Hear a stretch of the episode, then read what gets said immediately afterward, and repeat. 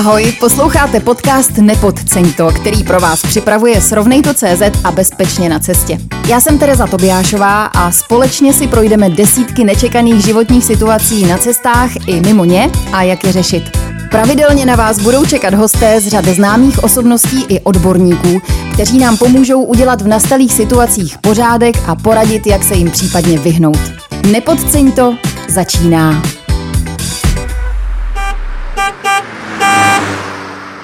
Dobrý den, my vás vítáme u dalšího dílu. Nepodceň to naším dnešním podtextem je, když jezdíme cizím autem. A vlastně nejenom autem, my se můžeme bavit i o jiných eh, dopravních prostředcích, které si můžete půjčit. S kým vlastně dneska budeme mluvit, s kým to budeme probírat? Je to Robin Švaříček, CEO carsharingové služby Hopigo. Dobrý den. Dobrý den. A taky Lucie Žulavská, právník z České asociace pojišťoven. Dobrý den. Dobré ráno.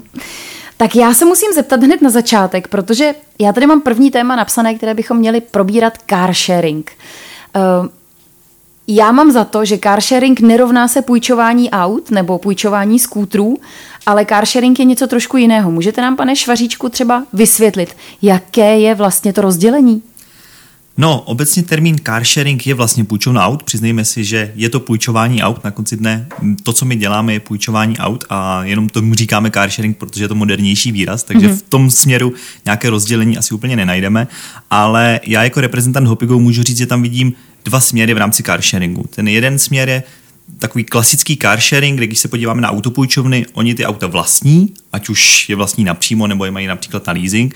A to je car sharing, tak jak ho známe primárně dneska třeba z Prahy, i v rámci konkurence, která je pro Hopigo, například Car for Way Anytime. Oni ty auta vlastní a lidem je půjčují. To, co dělá Hopigo, je trošku něco jiného. My tomu říkáme peer-to-peer car sharing, protože je to opravdu lidé lidem a my půjčujeme auta, která někdo vlastní, někdo jiný, my je nevlastníme. Hopigo jako taková softwarová platforma, která zprostředkovává zapůjčení aut mezi majiteli a řidiči. Takže tam se dá najít to rozdělení u firm, která ty esety, ty, ty vozidla, skútry vlastní napřímo, a nebo je to softwarová platforma, například Hopigo, která ty auta nevlastní a pouze to zprostředkovává.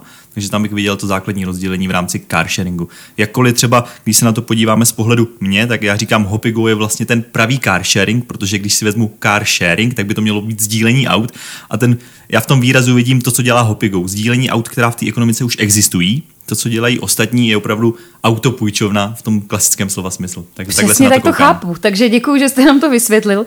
Co se víc lidem vyplatí, když vezmete toho koncového zákazníka? Je potřeba se vždycky podívat na tu potřebu té mobility. To, zase když to vstáhnu k Hopigo, to, co my děláme, je minimálně jeden den, takže to není úplně konkurence pro Car for Way Anytime, eh, kteří dělají od minuty, Stejně tak B-Rider, což je další produkt pod Škoda Auto Digila, vlastně inovačním centrem eh, Škodovky, tak eh, B-Rider také půjčuje skutry po Praze na minuty. Hopigo začíná na jednom dni a my dneska končíme na nějakých 6 až 12 měsících, opravdu záleží na tom konkrétním uživateli, na jak dlouho to auto potřebuje. Takže tam si myslím, že je to základní rozdělení, jakkoliv chápu, že i naše konkurence dneska se snaží už dělat ty delší zápůjčky a vlastně jde opravdu tím směrem té klasické autopůjčovny. Když dneska jdete do autopůjčovny u letiště, tak si taky chcete půjčit auto na 3, 4, 7 dní a a vlastně i ty klasické carsharingy, Car for Way Anytime opět zmíním, tak začaly někde na půlhodinových, desetiminutových zápůjčkách a dneska jdou i směrem do těch dalších zápůjček a vlastně trošku se, trošku se dostávají do toho stejného konceptu jako ty klasické autopůjčovny. Hopigo od začátku bylo myšleno na ty delší tripy, minimálně jeden den. Dneska naše klasická zápůjčka je 4,2 dne. Chápu to správně, že v momentě, kdy uh, já mám malý auto typu Smart, nebo třeba mám Mini Coopera a potřebuju najednou naložit celou rodinu do auta, tak je možný, že si u vás někde najdu transportéra, kterýho si můžu půjčit na víkend, odjet s ním někam s kamarádama a pak ho zase vrátit. Určitě je to tak. Ta hlavní to, ta hlavní přidaná hodnota naší služby je flexibilita. E, opravdu najdete auto na jeden den, najdete auto na 6 měsíců, najdete auta úplně nový, najdete auta až 15 let starý, to znamená i podle ceny si dokážete prostě najít to, co vám vyhovuje. A ta další přidaná hodnota je ten digitální biznis. U nás všechno je digitální, to znamená už ta registrace uživatele je přes digitální platformu, ať už je to web nebo aplikace. I to samotné zapůjčení je všechno přes aplikaci, žádný papír, všechno je vlastně digitální. A přesně jak jste říkala, myslím, že tam ještě jeden benefit a pokud vy odjedete na 14 dní někam s tím půjčeným transportérem, tak mezi tím můžete nahrát toho vašeho smarta k nám do aplikace a může vám vydělat peníze. A to je ten další unikátní koncept, protože my opravdu lidem, kteří mají auto a nevyužívají ho, tak umožňujeme vydělat dodatečné peníze na tom, že to auto vlastní. Mm-hmm. Je to vlastně takový Airbnb pro auta. Naprosto přesně, když to někomu mám vysvětlit v jedné větě, tak prostě řeknu Airbnb pro auta. to Takže nám tady mohl říct. Úplně přesně. Ušetřili bychom tři minuty času, ale děkuji vám za to obšírné vysvětlení. Máte tam i elektroauta? Máme, samozřejmě. Fakt, tak to využiju určitě, protože občas si říkám, že by mi to elektroauto poměrně bodlo, ale nemám ještě furt pardon, koule na to, abych si ho koupila, takže tím pádem jsem ráda, že, že to můžu využít. Zkusím to, schválně, uvidím. Jsou tam nějaká úskalí? Já tady vlastně tu otázku hodím tak trošku do pléna, jestli se mi vyjádříte oba dva. Jestli jsou úskalí tady toho car sharingu? Eh, ty úskaly my se samozřejmě snažíme co nejvíc řešit. Jsou tam rizika, která třeba majitele vidí, protože obecně si říkají, já to své auto půjčím někomu, koho neznám a Mentálně samozřejmě s tím jsou spojená nějaká rizika. My se je snažíme odbourat co nejvíc to jde. Vždycky těm majitelům vysvětlujeme, že my toho řidiče kontrolujeme z hlediska insolvencí, exekucí, to znamená, aby to auto půjčil někomu, kdo je opravdu prověřený. Jakkoliv třeba my jako Hopigo jsme platforma, která to pouze zprostředkovává a mohli bychom říct, my za to neneseme riziko, vy jako majitel rozhodujete na konci, někomu to auto půjčíte, tak tam cítíme tu odpovědnost za to ty řidiče prověřit. To znamená, majitelům vždycky říkáme, ty řidiči jsou prověřený, jakkoliv za ně nemůžeme odpovídat 100%, tak se snažíme dělat co nejlepší práci na úrovni toho prověření řidiče a pak samozřejmě do toho dáváme pojištění. To je asi i proč tady jsme, protože to, kdybyste dneska půjčila auto na ulici někomu známému za peníze, tak tím vaše pojištění nemusí platit. My mm-hmm. se k tomu mhm. asi dostaneme v rámci diskuze. Je to, je to jakoby rozporuplný, jestli to opravdu tak je nebo ne, ale chceme všechny ty otázky a postat, ty rizika, které by tam byly, co nejvíc eliminovat a proto každou tuhle zápůjčku my pojišťujeme speciálním produktem, který jsme vyvinuli s, s pojišťovnou Unika mm-hmm. a každá ta zápůjčka je pojištěna tak, aby ten majitel nesl co nejméně rizika. Připlácí se za to, nebo je to součástí? to platí. platí to řidič a je to součástí té zápůjčky. Je to znamená, on to ví, že to tam má napsáno. Eh, může si vybrat nějaké stupně toho pojištění? Přesně tak, my tam máme dva stupně, říkáme tomu základní nebo prémiový, podle toho i platí výši spoluúčasti. Zase opět třeba proti klasickým autopůjčovnám my jsme se snažili tu, tu spoluúčast snížit co nejvíc, to znamená, je to buď tisícovka nebo pět tisíc.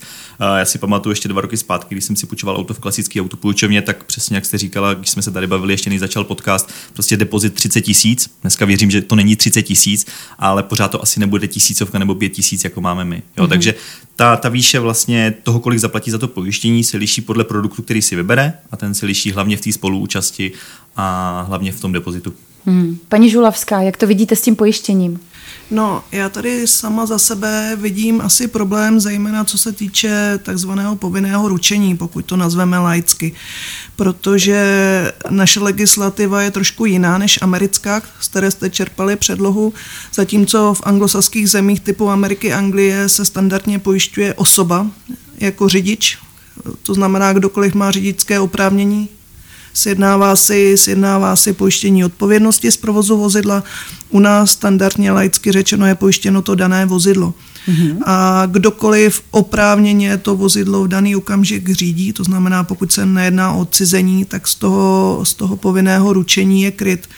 To znamená, že pokud tedy trvá to povinné ručení toho vlastníka vozidla, tak v případě, že osoba, která si od něj to vozidlo zákonně půjčí, způsobí, způsobí s ní škodu třetí straně, tak v podstatě bude pojistné plnění z toho povinného ručení toho původního vlastníka. A samozřejmě nevím, jakým úplně způsobem je to ošetřeno, ale pokud by se tedy jednalo o klasický postup, tak samozřejmě, co se týče bonusového ohodnocení, tak by to šlo k tíži toho původního vlastníka, který ale v daný okamžik reálně to vozidlo neprovozoval. Takže by byl zatížen tím zvýšeným pojistným do budoucnosti. Naprosto souhlasím, je to určitě něco, co velice transparentně na majitele komunikujeme, protože musíme tady rozlišit povinné ručení a havarijní pojištění. To, o čem jsem hovořil já, bylo havarijní pojištění, kde my jsme schopni havarijní pojištění přepojistit, tak aby ten majitel vozu nestratil ty bonusy na svým havarijním pojištění. Z hlediska povinného ručení, což je to, co každý vůz musí dneska v České republice mít, tak legislativa nám neumožňuje tohle přepojistit a proto majiteli velice transparentně na začátku říkáme, v souvislosti s tím, že budeš své auto půjčovat, jsou tam nějaké benefity, můžeš si vydělat peníze, ale určitě jsou s tím spojeny i nějaké rizika třeba na úrovni toho povinného ručení. A proto my, ty kontrol, my děláme ty kontroly těch řidičů tak, abychom to auto půjčovali opravdu jenom někomu, kdo si myslíme, že s tím autem nespůsobí škodu, jakkoliv se to nedá nikdy vyloučit, protože pojistná událost je něco, co se nedá naplánovat. A a, a tím pádem se to snažíme maximálně eliminovat. Takže musíme rozlišit povinný ručení a havarijní pojištění, ale pochopil jsem i z naší diskuze, že ta legislativa jde trošku jiným směrem a, a do budoucna i to povinné ručení by bylo možné vlastně přepojistit a pro službu typu Hopigo by to určitě byl benefit, protože uh, zcela otevřeně povinné ručení je něco, kde uh, někteří majitelé si řeknou, tak já do toho teď nepůjdu, protože je tam riziko, vidím ho a tady si řeknu, pro mě se to vlastně asi nevyplatí. Do budoucna, pokud se to změní, tak uh, za naši platformu bude jenom rád, protože si myslím, že je to cesta před správná. Mm-hmm. To je to, o čem jsem před chvílí mluvila. V podstatě my teď plánujeme v souvislosti s evropskou legislativou, kdy teď vlastně před asi měsícem byla schválena nová motorová směrnice, která s tím car sharingem a s principem autonomních vozidel do budoucna daleko více počítá. To znamená, ten princip se bude spíše posouvat od vlastníka, který měl nyní tu povinnost jednat si povinné ručení, pokud to samozřejmě nebyla leasingová společnost, na provozovatele ale pořád je to o tom, že se bavíme o provozovatelích, kteří jsou jako dlouhodobějšího konceptu. To znamená, určitě není, není žádoucí, aby pokud bude vozidlo půjčováno na hodinu, dvě, aby každou hodinu, dvě si uzavíral to pojištění někdo jiný, ale u těch dlouhodobějších zápůjček už řádu dnů by opravdu bylo i eh, pro toho provozovatele výhodnější, aby měl uzavřeno svoje pojištění.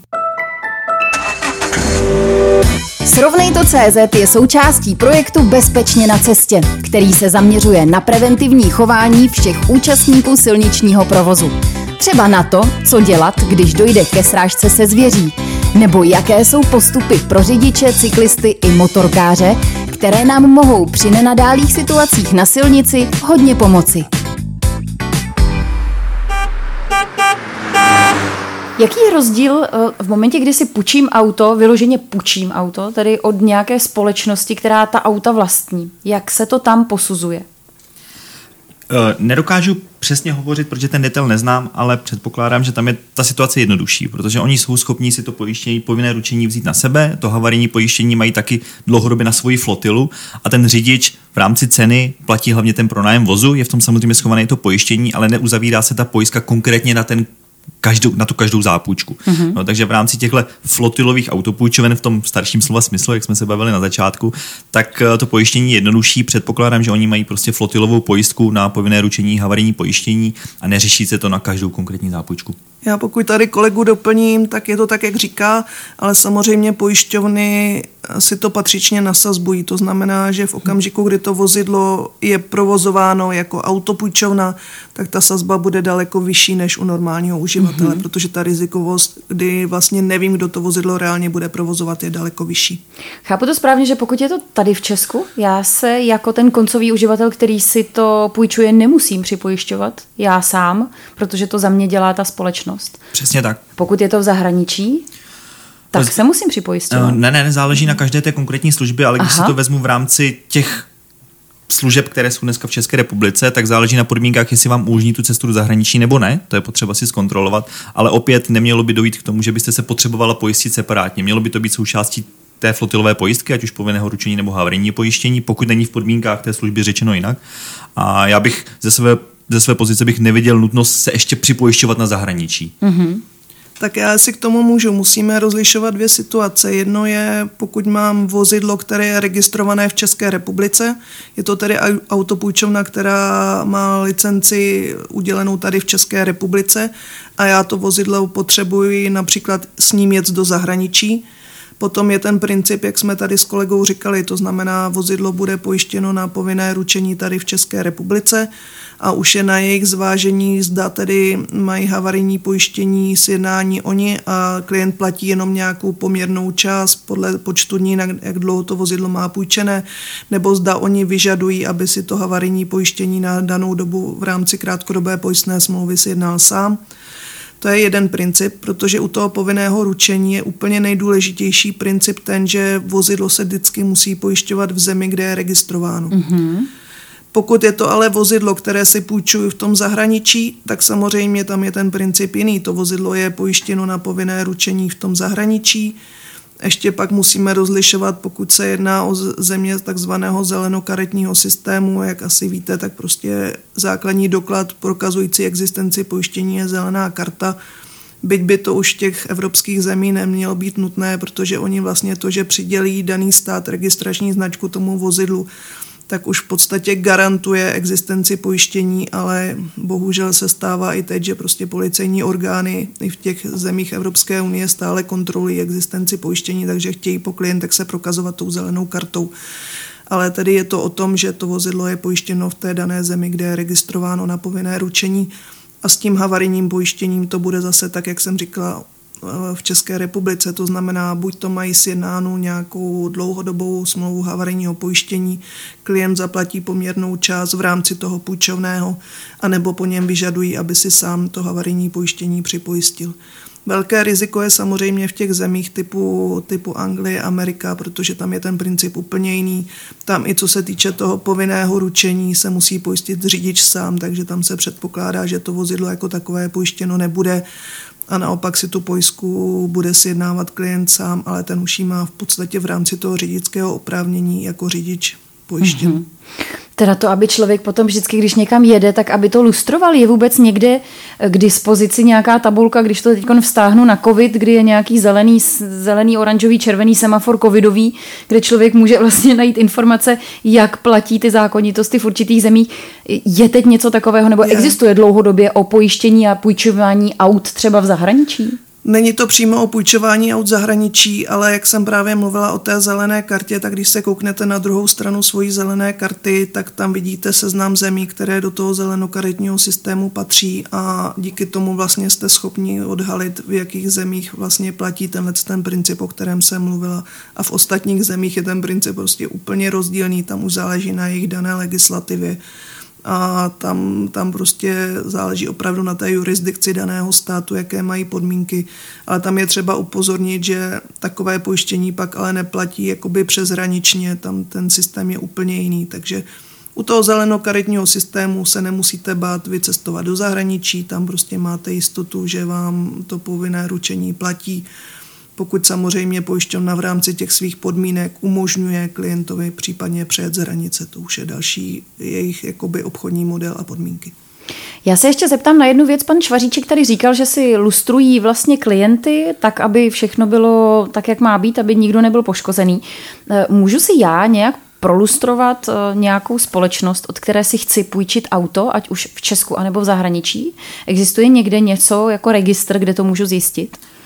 Eh, dobrá otázka. Myslím si, že jako klasický občan, který si chci půjčit auto, bych šel asi normálně na Google a prostě hledal jako recenze a, a reviews, protože ano. to je to základní. TripAdvisor. Uh, nevím, jestli člověk pak půjde na justici a bude si hledat poslední závěrky, jestli společnost není v likvidaci, asi ne, ale že bych věděl o nějakém registru, kde by se tyhle věci daly dohledat, to vám úplně neřeknu, nemyslím si, že něco takového existuje. Uh-huh, uh-huh. Tak možná, možná nápad pro někoho, takový malý doporučení, jestli by třeba nebylo možné něco takového vymyslet, jestli je tady někdo, kdo se tímhle tím může zabývat, tak aby, aby byl takovýhle seznam. A, a druhá věc, kterou jsem se vlastně chtěla zeptat, která se týká um, toho samotného půjčení auta, um, je povinnost člověka si prostudovat veškeré podmínky, souhlasit s nimi, je zároveň eh, povinností obou stran v momentě, kdy se to auto půjčuje, aby byly někde zaznamenány eh, případné nedostatky toho auta, škrábance a, a tak, aby vlastně nedocházelo k tomu, že potom se někdo s někým bude hádat, jestli to způsobil ten, který si to půjčí. Jak to máte u vás v momentě, kdy je to všechno elektronicky? Já to vztahuju k vám, protože jsou to konkrétní příklady. Já vím, že jinak to tak funguje. My, když se půjčujeme auta jako novináři automobiloví, tak vždycky podepisujeme papír, kde vyznačujeme sebe sebe menší šrám na, na rávcích, na laku, tak aby jsme si opravdu byli jistí, že to potom nebudeme hradit. Takže jak je to u vás? Rozumím. Eh, probíhá to všechno přes aplikaci mm-hmm. a mhm. ten proces eh, je následující. Musí se majitel a řidič potkat, buď fyzicky u toho auta, nebo dneska už máme i telematické jednotky, kde majitel a řidič se nemusí potkat fyzicky. Každopádně ten proces probíhá tak, že se nafotí fotky. Dneska máme minimálně 8 fotek exteriéru, 4 fotky interiéru a dále se eh, napíše stav paliva, a stav kilometrů a je tam velká sekce poznámky, kam majitel nebo řidič musí napsat poškození pravého předního blatníku, cokoliv, co na tom autě najdou. A to, aby to bylo právně platné, tak je zajištěno tak, že ta protistrana to musí vždycky potvrdit. To znamená, mm-hmm. pokud to vztáhnu na sebe jako na majitele, tak já přijdu k tomu autu, nafotím ho, 8 fotek exteriéru, 4 fotky interiéru, případně víc, samozřejmě vždycky možný dofotit, napíšu stav kilometrů, paliva, do poznámky napíšu všechno, co s tím autem je a řidič, který si to auto půjčuje, tak to musí potvrdit. Případně pokud s tím nesouhlasí, tak do toho protokolu napíše něco dalšího a opět já jako majitel to musím potvrdit. Jo? Vždycky tam je to, že ten protokol celý digitálně v rámci aplikace musí být potvrzen oběma stranami, aby to bylo platné, aby to pak bylo právně vymahatelné. Hmm. Co když se stane, že já teprve, až se s tím autem rozjedu, tak zjistím, že tam vlastně něco je špatně a, a už mi ten majitel potom může říct, nebo ta půjčovna, že jsem to udělal já. Je, dá, dá se proti tomu nějak bránit?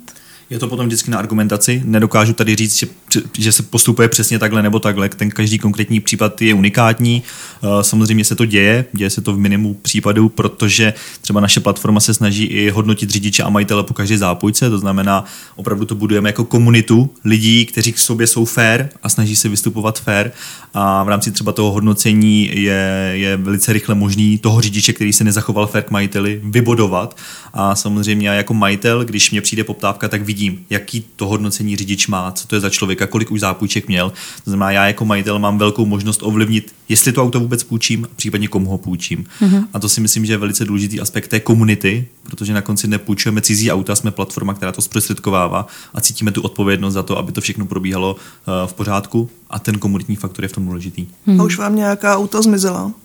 Uh, i zmizela, ale našli jsme je. Eh, velice na začátku, eh, zase bavíme se tady velice otevřeně, je to případ z roku 2017, kdy jsme začínali, neměli jsme ještě tak, eh, tak detailní check insolvencí a dvě auta se ztratily, ale my jsme byli schopni dohledat, díky tomu, že měli telematickou jednotku a ty auta se vrátily majitelům a od té doby my jsme posílili ten check, ten background check toho uživatele a od té doby se nic nestalo, klepu tady do dřeva, protože samozřejmě uh, nedokážu to eliminovat, nedokážu to vyloučit zcela, ale ten případ už se od té doby nestal. Já myslím, že co je důležité říct, tak v rámci toho našeho projektu uh, my tam máme velice specificky pojištěnou z pronevěru, mm-hmm. což uh, je produkt, který na tom trhu se nenabízí obecně, uh, protože pokud vy byste půjčili to svoje auto někomu, tak vlastně v ten moment už to není krádež. A on s ním pak ujel, mm-hmm. odcizil, tak už mm-hmm. to není krádež, je to z pronevěra, protože nedošlo k porušení podmínek bezpečnosti, prostě já mu předal Překonání klíče. překážky v podstatě. Tak. A, takže tam je důležitá ta spronevěra, která vlastně znamená, když já to auto někomu půjčím za peníze a on ho odcizí, tak pořád to pojištění platí. A to je něco, na co majitele velice slyší, protože samozřejmě se ptají, hele, já jsem mu ty klíče předal, on pak s tím autem ujede, tak co se stane, jako pojišťovna nebude plnit. A v tom našem případě právě díky té spronevěře i v tomhle případě by pojišťovna plnila. Jakkoliv musím říct, že se to nestalo a neměli jsme z toho plnění, tak eh, je dobrý to mít pojištěný. My už budeme muset končit. Nestihli jsme všechna témata, které jsem chtěla probrat, ale um, my se samozřejmě můžeme dostat k těmto tématům aspoň v textové formě, kterou najdete na stránkách Nepodceň to. Já mám ještě jednu otázku na paní Žulavskou, která se týká eh, těch práv, protože vy jste právník, tak těch práv vlastně lidí, kteří si půjčují ta auta. Když jsem tady vznesla tu otázku, když se s tím autem něco stane, co prokazatelně není chyba toho člověka, ale prokazatelně to nebylo napsáno v těch poznámkách, že to auto tu závadu předtím mělo. Jak se ten člověk může, může bránit? A teď se nebavíme o Hopi Go, ale o takovémhle kamarádském systému, ale bavíme se vyloženě třeba i o půjčovnách. No, musím zdůraznit to, že v podstatě to důkazní břemeno bude na té osobě, která si to auto v tu chvíli vypůjčila. Proto já jako osoba, která si to vozidlo budu půjčovat, se opravdu budu snažit si zaprotokolovat předtím, než si to vozidlo půjčím, všechny možné detaily, jak jste vy zdůrazňovala, protože opravdu bohužel bude na mne, abych prokázala, že že, že ta škoda, která na tom vozidle je, kterou já deklaruji, jsem nespůsobila já, protože protože to je na mém prokázání. Pokud bude prostě zaprotokolován jiný stav na začátku, než já následně deklaruji, tak to budu muset prokazovat já, což je opravdu stížená role té osoby, která si to vozidlo půjčí. Děkuji moc krát. Právník z České asociace pojišťoven, paní Lucie Žulavská. Děkujeme moc krát, mějte se hezky. Děkuji. No a druhým naším hostem, který tady dneska byl a probíral téma, když jezdíme cizím autem, byl CEO car sharingové služby Hopigo, pan Robin Švaříček. Děkujeme. Díky za pozvání, hezký den. No a jak už jsem zmiňovala, další témata, která souvisí právě s tím, co jsme tady dneska probírali, můžete najít v textu na nepodceňto.cz, stejně tak jako další díly, které jsme si pro vás připravili. Mějte se hezky a příště naslyšenou.